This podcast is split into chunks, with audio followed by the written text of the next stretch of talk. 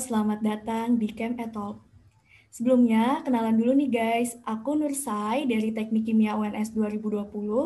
Dan tentunya di podcast kali ini aku nggak bakalan sendiri. Aku bakalan ditemenin sama teman aku, ada Dea. Halo Dea. Halo guys, aku Dea dari Teknik Kimia UNS tahun 2020 sebagai partnernya Nursai di Camp Talk ini. Oh ya, BTW nih Dek, uh, hari ini nih kita bakal ngobrol bareng siapa sih? Jadi hari ini kita bakal ngobrol sama Mas Osama dari Teknik Kimia UNS Angkatan 2015. Halo Mas Osama. Halo semuanya. Halo Mas. Oh ya, Halo, uh, ya.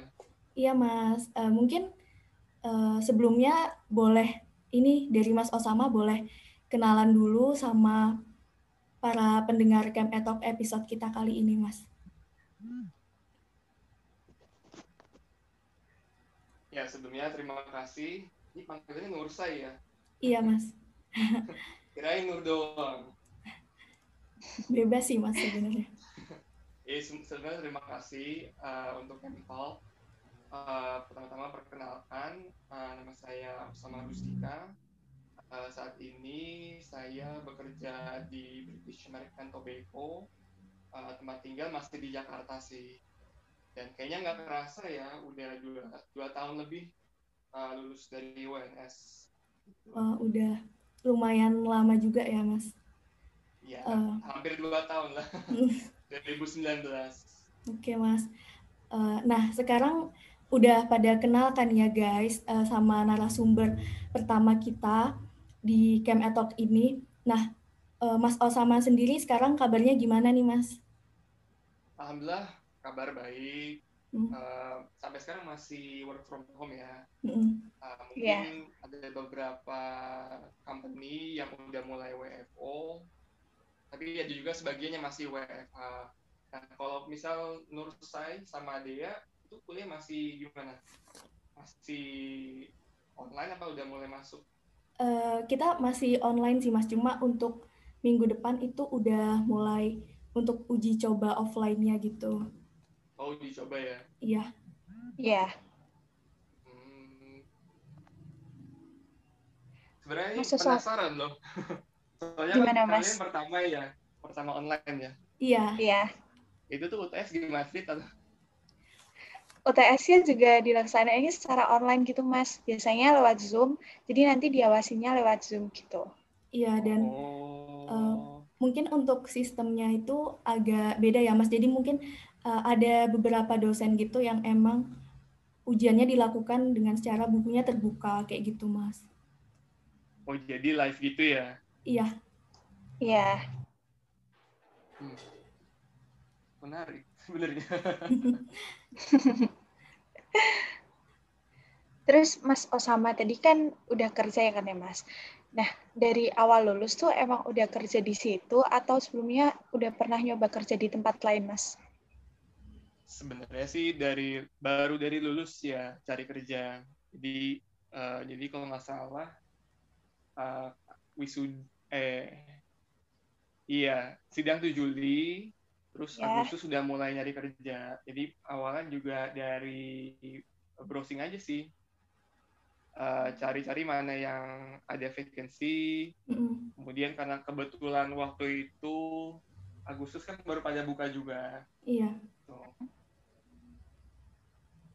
Berarti selangnya tuh cuma sebulan ya Mas ya antara lulus sama dapat kerja? Oh bukan dapat sih, lebih ke daftarnya.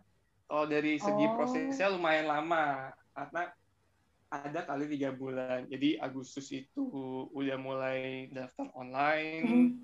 terus uh, masih ikut tes tes online karena sekarang kan uh, rata-rata kan via online juga ya iya, untuk yeah. assessment awalnya. Mm nanti baru setelah itu ada video interview sampai interview via telepon sampai kata muka.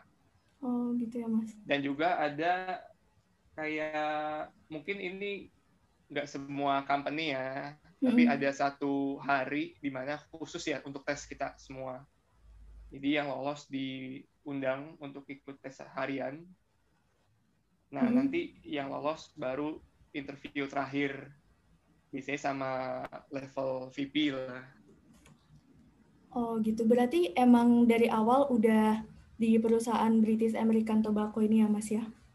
Iya, alhamdulillah dari awal. Meskipun prosesnya agak lama ya. Hmm. Nah, Iya, Eh, Mas. kan Mas bilang tadi prosesnya agak lama. Nah, selain itu untuk ngisi jeda waktunya itu Mas ada ngisi pakai kesibukan atau kegiatan lainnya gitu nggak sih Mas? Sambil nunggu untuk eh, bener-bener bisa masuk ke perusahaan ini gitu Mas? Kan eh, saya masuk kan dari Desember ya, Mm-mm. 2019. Iya. Nah, dari jarak antara Agustus sampai Oktober, Hmm? itu kalau nggak salah masih nyempetin waktu buat ikut lomba sekali lagi ya. Iya, Berarti masih eh, aktif-aktif ikut lomba gitu ya Mas ya? terakhir sih cuma satu ya tahun Oh. 2019. Karena kan Oktober udah wisuda, Oh, Oktober gitu. akhir. Jadi waktu itu uh, berangkat lombanya Oktober awal deh, kalau nggak salah. cukup produktif juga ya Mas eh, ngisi waktu jedanya itu. Nah, kalau kalau boleh Ya, tahu, biasa aja. kalau boleh tahu nih Mas, sekarang eh, posisi Mas di British American Tobacco itu sebagai apa sih Mas? Sekarang alhamdulillah udah menjabat sebagai marketing skills manager. Mm-mm. Jadi ini baru dari awal tahun ini sih, Nur. Oh, gitu ya Mas. Boleh nih Mas dibagi tipsnya supaya teman-teman di sini tuh tahu gimana ngejar jenjang karir yang bagus yang bisa dapat jabatan kayak Mas Osama ini. Sebenarnya kalau dibilang tips yang ajaib sih nggak juga ya. Karena intinya kan walaupun kita backgroundnya teknik kimia, tapi kita juga nggak bisa menutup kemungkinan kita akan pindah ke kerjaan yang beda bidang gitu. Kayak Iya. Misalkan saya, saya ma- saya teknik kimia, cuman nyebrangnya ke marketing gitu Iya. ya. Mm-mm. Jadi Iya. Yang paling utama adalah dari kita sendiri itu yang bisa membuka option ya. Maksudnya kita eh, menetapkan ke diri kita kalau ya ketika nanti kita mau nyari kerja kita nggak terpaku di satu bidang itu Oh, aja. Jadi meskipun kita backgroundnya teknik kimia, cuman eh, it's not necessarily you have to work in a chemical engineering related Mm-mm. field gitu. Terkadang bisa nyebrang keluar. Mm-mm. Itu sih yang yang pertama dulu. Gitu ya Mas. Iya. paling nggak dari as simple as mindset aja sih. Hmm. Oke Mas. Jadi siap, kalau misalkan backgroundnya teknik, Mm-mm. ya harus terbuka gitu, nggak harus di teknik juga. Oh, oke Mas. Eh, kalau untuk dari keketatan persaingannya sendiri gitu Mas, bisa dibilang ketat banget nggak sih Mas untuk masuk ke British American Tobacco dengan terutama untuk sampai ke posisi mas, posisinya Mas sekarang gitu. Terutama kan ini tuh termasuk multinational company gitu ya Mas. Kalau dibilang keketatan, Mm-mm. uh, let me say relatif ya, Mm-mm. karena itu strategi juga. Jadi misalkan kan mungkin dari Dea sama Nursai udah mungkin karena tahun-tahun sekarang udah lebih sering dengar ya banyak perusahaan FMCG yang buka MT. Nah, Hmm. dulu strategi saya adalah uh, how to find a company yang sebenarnya bagus, Mm-mm. tapi nggak banyak orang-orang tahu. Oh, Itu oke. Iya. apa persaingan apa karena itu lumayan mengurangi persaingan ya. Iya, mm-mm. bener banget Nah, sekarang orang-orang pada tahu nih Danone buka MT atau Unilever buka MT. Mm-mm. Itu kan ketika Iya. itu jadi ramai banget kan itu akan meningkatkan persaingan ya. Mm-mm. Oh iya iya. Sementara banyak sekali perusahaan-perusahaan multinasional yang yang juga bagus, yang juga mature. Cuma Hmm. kita kebanyakan mungkin nggak terlalu nge atau tahu. Contohnya misal kayak BAT, British American Tobacco, Mm-mm. terus kemudian uh, PMI, terus kalau misalkan uh, yang berkaitan sama FMCG lain, misal uh, PNG mm. dan lain-lain sih. Bahkan uh, untuk FMCG lokal pun juga sebenarnya bagus, kayak Wings Group gitu. Yeah. Jadi kembali lagi ke uh, makanya tadi saya uh, bilang persaingan itu relatif ya. Iya. Yeah. Mm. Itu seberapa banyak hype orang itu buat masuk ke company itu. Mm jadi semakin ya, jadi terkenal perusahaan itu mm-hmm. ya akan semakin banyak orang yang masuk sana mm. meskipun sebenarnya yeah. Yang lebih terkenal bukan lebih tentu lebih baik ya karena yeah. mereka semuanya kan semua multi multinational company kan udah mm. masuk Fortune 500 jadi tinggal strateginya aja sih yang diatur. Oke, okay, ya jadi kayak pinter-pinternya nyari strategi gitu ya Mas ya. Iya.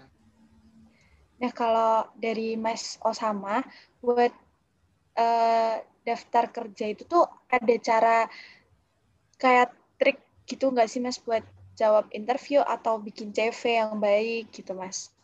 Oh iya, kalau bikin CV sebenarnya uh, simply set CV itu kan nggak harus banyak-banyak ya Iya, maksimal, mas. Yeah. maksimal dua halaman. Mm -hmm. Kalau diminta resume satu halaman. Oh, iya mas. Nah, terus untuk interview, sebenarnya tuh yang paling penting itu bukan latihan ya, tapi uh, lebih memahami uh, perusahaan yang pengen dimasukin itu. Hmm. sebenarnya pertanyaan interview tuh untuk yang misal program MT ya mm-hmm. itu kebanyakan ya related to the field of mm-hmm. the business gitu dan juga dari uh, company culture dan value-nya jadi make sure maksudnya benar-benar uh, memahami. di, kita memahami dan mm. riset lah kira-kira company ini produknya apa value-nya apa terus uh, mungkin kenapa kita tertarik masuk ke sana itu sih. Pasti nggak bakal jauh-jauh dari itu ya mas. Dari tentang apa yang kita lamar gitu. Nah kalau dari mas Osama sendiri dulu uh, sebelum interview gitu perlu latihan gitu juga nggak sih mas sebenarnya kalau jujur sih uh, langsung ya jadi spontan semua gitu ya mas ya iya soalnya kadang-kadang interview itu hmm. pertanyaannya tuh nggak nggak bisa ditebak gitu hmm. tapi yeah. yang pasti keluar adalah kita uh, pasti harus memahami perusahaan itu di bidang apa sih? As, uh, as basic as that itu lah yeah. paling basic ya aja gitu. Karena ini maksudnya konteksnya kalau daftarnya lewat MT ya. Oke okay, mas. Siap mas. Nah uh, boleh banget tuh guys dicatat uh, tips dari Mas Osama. Karena ini pasti nanti bakal bermanfaat banget ketika kita uh, daftar kerja gitu. Nah, selanjutnya nih Mas, uh, kalau boleh tahu dulu sewaktu kuliah itu kesibukannya apa aja sih Mas?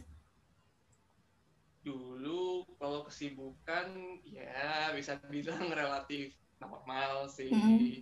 Jadi kuliah, terus uh, karena rata-rata yang lain ikut HMTK ikut HMTK terus ngerasain mm. kali nggak organisasi level fakultas dulu saya di Dema terus mm -hmm. level universitas itu uh, di SIM oh sebenarnya uh, nothing special sih karena karena pas kuliah kan sebenarnya kita kan explore ya Iya, kita mencoba yeah. banyak hal. Kita coba organisasi, kita coba ikut PKM, coba mm -hmm. ikut lomba, coba ikut apa penelitian lah gitu. Berarti tadi kan Mas bilang ikut SIM gitu ya Mas, studi ilmiah mahasiswa. Yeah. Berarti Mas Osama ini suka nulis gitu ya Mas, kayak tentang nulis karya ilmiah, karya ilmiah gitu. Ya, bisa dibilang. Berarti, berarti lomba-lomba yang diikutin juga nggak jauh-jauh dari bidang itu ya, Mas? Ya, nggak jauh-jauh dari bidang LKTI sih. Kalau nggak LKTI, ya dulu sempat nyoba lomba kayak exhibition atau pameran. Oh, oke okay, Mas. Nah, menurut Mas sendiri tuh berpengaruh nggak Mas kesibukannya waktu kuliah sama dampaknya di dunia kerja ini? Sama pentingnya hard skill, soft skill yang perlu dikuasai dari kuliah nanti buat di dunia kerja gitu, Mas? Nah, sebenarnya dulu pas kuliah itu uh, saya kan juga selain ada ikut organisasi di kampus, hmm. ikut juga program hmm. di luar ya program kayak yeah. dari CSR company. Mungkin kalau kalau angkatan kalian harusnya udah sering denger sih, misalkan kayak Excel Future Leaders. Oh iya mas. Atau oh, yeah. yang lain misalkan ya. mas. Nah, yeah.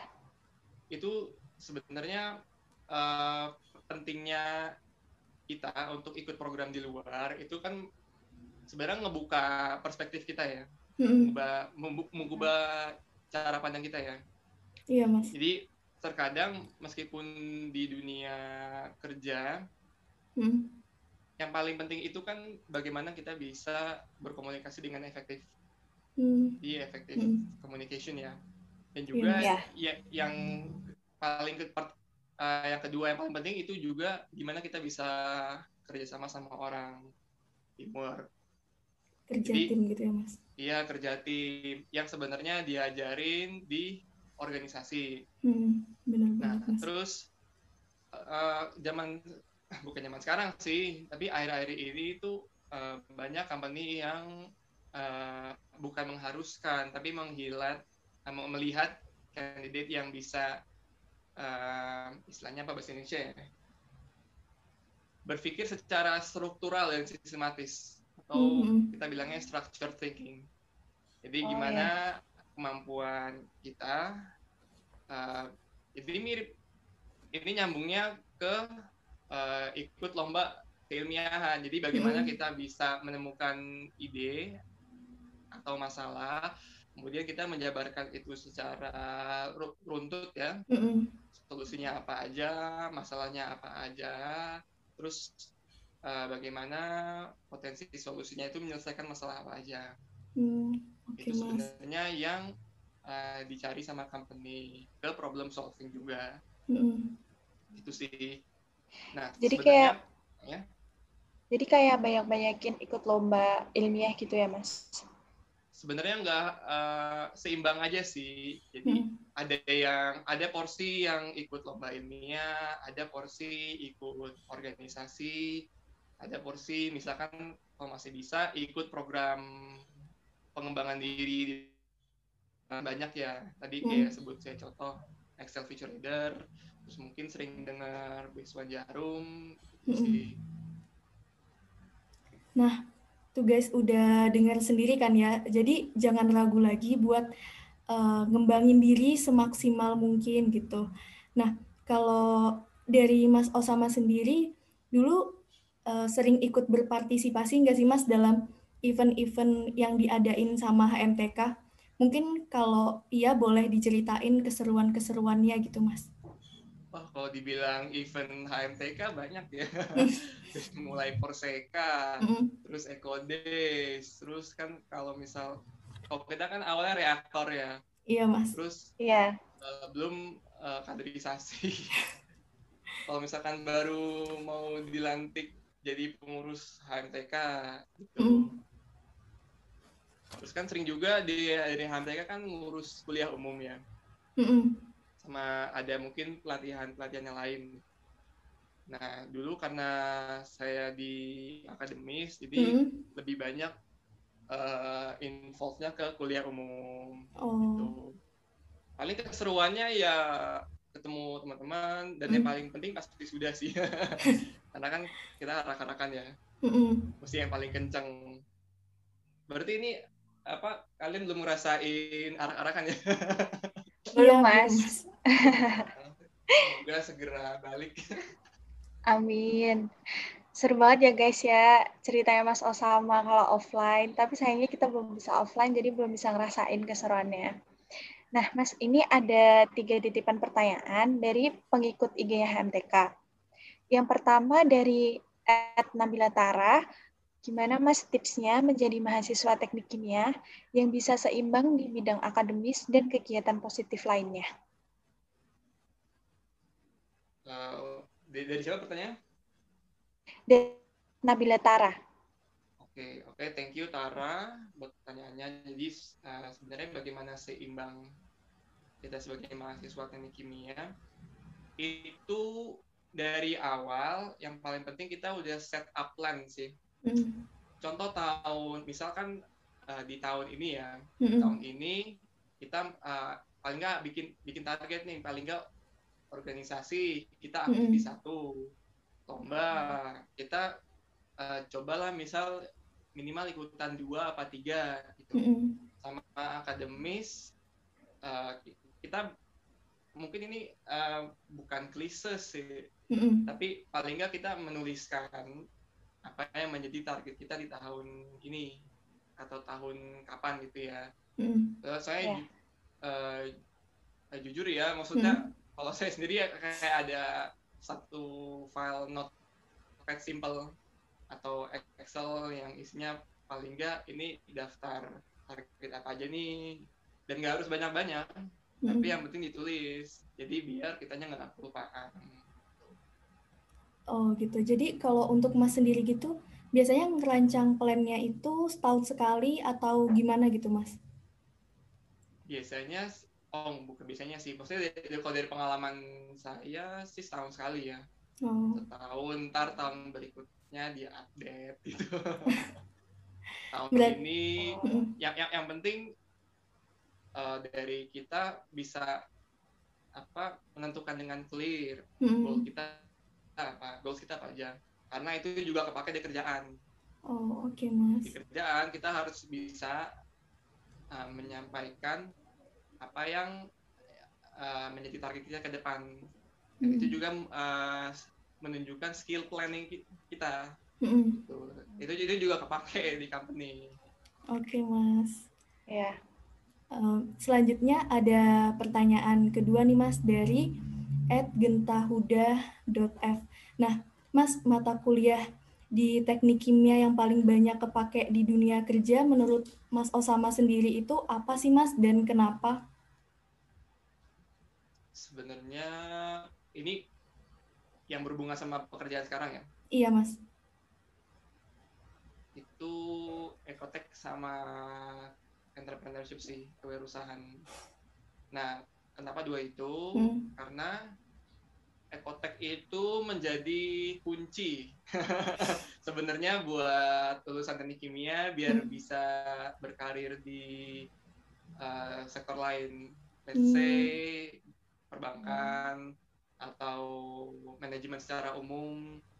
Karena di di ekotek itu kan kita belajar bagaimana sesimpel menghitung uh, return of investment, kemudian sampai sampai meskipun anak teknik cuma ngitung kita cash flow ya mm-hmm. sampai teknisnya gitu cuman paling nggak di ekotek itu kita diajarin mindset uh, bahwa sebenarnya di teknik kimia itu nggak cuma ngurus soal proses loh nggak mm. cuma ngurus soal teknik reaksi tapi juga kita bisa harus melihat tentang visibility ekonomi hmm. karena begitu di kerjaan ketika hmm. kita misalkan mau propose suatu idea kita harus bisa consider uh, secara ek, ek, secara ekonomi ini visible nggak sih ide kita mau dijalanin hmm. terus nanti return of investmentnya apakah sesuai dengan dengan bisnis objektif di company kita itu itu satu ekotek yang kedua kewirausahaan hmm. kalau misalkan memang uh, minat untuk bikin uh, let's say bisnis sendiri hmm. gitu berarti nggak mungkin karena ini uh, saya di luar bidang ya jadi hmm. yeah. ini maksudnya yang benar-benar berhubungan berhubungan sama kerjaan juga Berarti bisa yeah. ini ya Mas, bisa disesuaikan juga sama nantinya tuh kita cita-citanya mau kerja di bidang apa gitu. Jadi kita bisa yeah. mulai fokusin uh, mata kuliah apa sih yang benar-benar harus kita dalamin gitu ya Mas ya. Iya, betul. Karena kan sebenarnya di teknik itu kan kebuka mulai dari kalau yang sesuai bidang kan perentangan proses ya. Mm -mm. Yeah. Kalau misalkan yang agak di luar bidang kan misal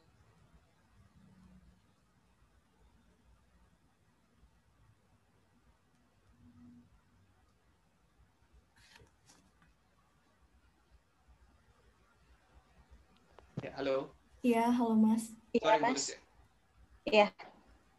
Ya, kalau misal uh, tadi balik lagi kan uh, kalau masalah karir di, teknik kimia kan sebenarnya cukup luas ya. Mm -mm. Karena nggak cuma di perancangan Hmm. proses, terkadang bisa masuk mirip-mirip kayak supply chain, atau bahkan Hmm. bisa masuk ke ekonomi, perbankan, karena ada hubungannya sama uh, evaluasi ekonomi suatu pabrik ya. Gitu. Oh, oke Mas.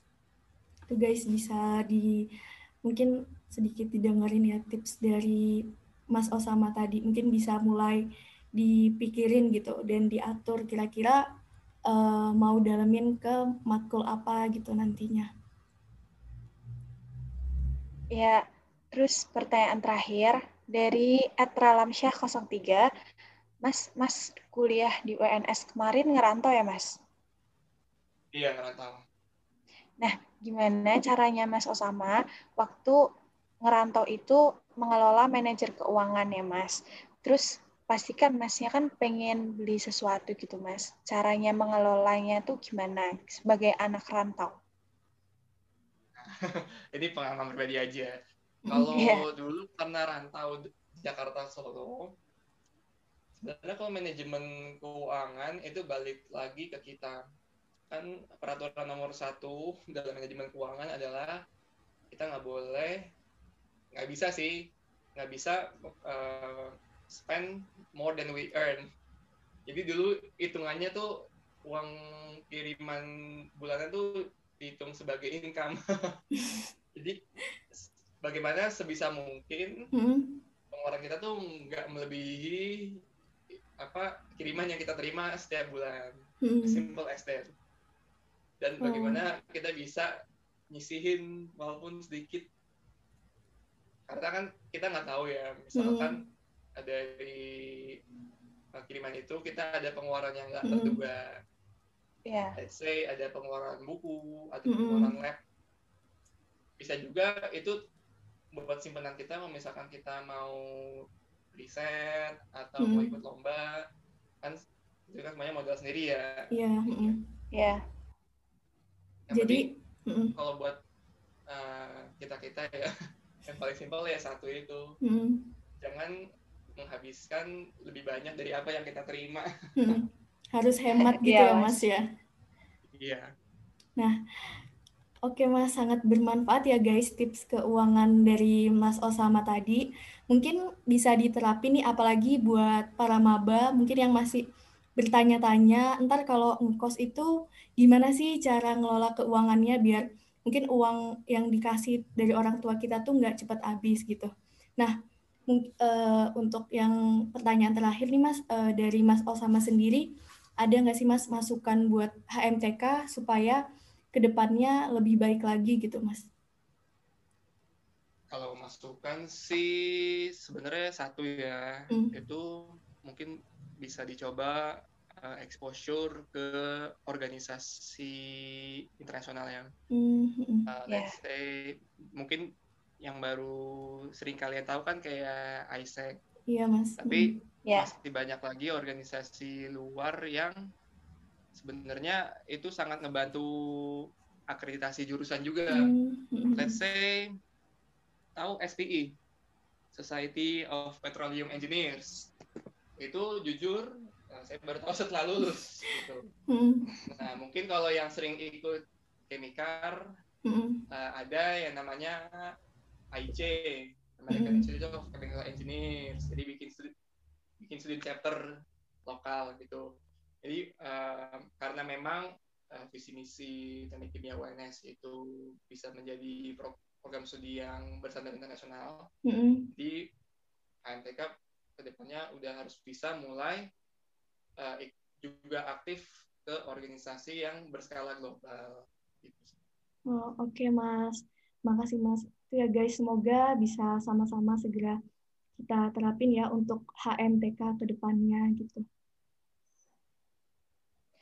Ya, sebelum kita tutup nih Mas, kan nggak kerasa tuh kita ngobrol udah lama. Ada pesan nggak? Pesan khusus dari Mas Osama? Iya, pesan khusus buat Mas dari Mas Osama buat para pendengar Kemetok di episode kali ini? Pesan saya cuma satu, uh, teknik kimia itu sangat luas uh, bidang penerapan ya. dan aplikasinya. Dan walaupun nanti kita nggak bekerja di bidang engineering atau teknik, tapi di teknik kimia itu sangat uh, mengajarkan kita bagaimana untuk berpikir secara sistematis dan runtut hmm. dan pragmatis yeah. karena uh, dua hal itu itu kepake banget ya di company dan jangan salah di company pun ketika kita mengerjakan suatu project itu banyak asumsi sama hmm. seperti kita kita mengerjakan soal teknik kimia banyak hal yeah. yang menjadi asumsi yeah. cuman kan teknik kimia kan kita kan belajar bagaimana um, meraba-raba sesuatu yang belum pasti. Mm. Yang makanya itu muncul dalam sebuah asumsi. Tapi sebuah asumsi yang terukur dan bukan asumsi yang yang misalnya ngasal gitu ya. Mm. Yeah. Nah, dari berangkat dari situ itu sebenarnya kepake banget di kerjaan. Karena kan mm. kita teknik kimia kan semua yang kita hitung itu adalah estimasi kan. Yeah. Estimasi berapa flow rate-nya, meskipun kita menghitung secara eksak tapi kita kan tetap menggunakan asumsi gitu mm. dan bagaimana yeah. kemampuan kita dari uh, apa yang kita pikirkan itu uh, semakin dekat dengan apa yang akan menjadi realita atau yang diaplikasikan mm. itu atau dalam bahasa Inggrisnya sense checking ya Nah, jadi hmm. jangan ragu kalau misalkan kalian udah lanjut di teknik kimia, hmm. percayalah bahwa banyak skill teknik kimia yang bisa diaplikasikan di hampir semua bidang kerjaan yang walaupun itu bukan bidang kerja teknik kimia. Hmm. Oke, okay, Mas. Oke, Mas, terima kasih atas pesannya. Uh, semoga ya, terima kasih. pesan dari Mas Osama tadi bisa sama-sama bermanfaat ya, guys, buat kita. Oh ya, makasih juga buat Mas Osama udah berkenan dan mau meluangkan waktunya untuk ngobrol bareng kita di Camp Talk episode yang pertama ini. Ya, terima kasih banyak buat hmm. Nur sama dia. Ini kan kalian baru semester 3 ya? Uh, semester ya, 2, mau, Mas. Oh, baru mau ya? semester iya. 3, Mas. Iya. Ya. Oh iya, iya, iya. Berarti benar semester 2. Kira semester 3. Iya, oke okay, Mas. Uh, nggak kerasa kalian juga sukses selalu ya iya mas amin mas ya, amin mas, mas.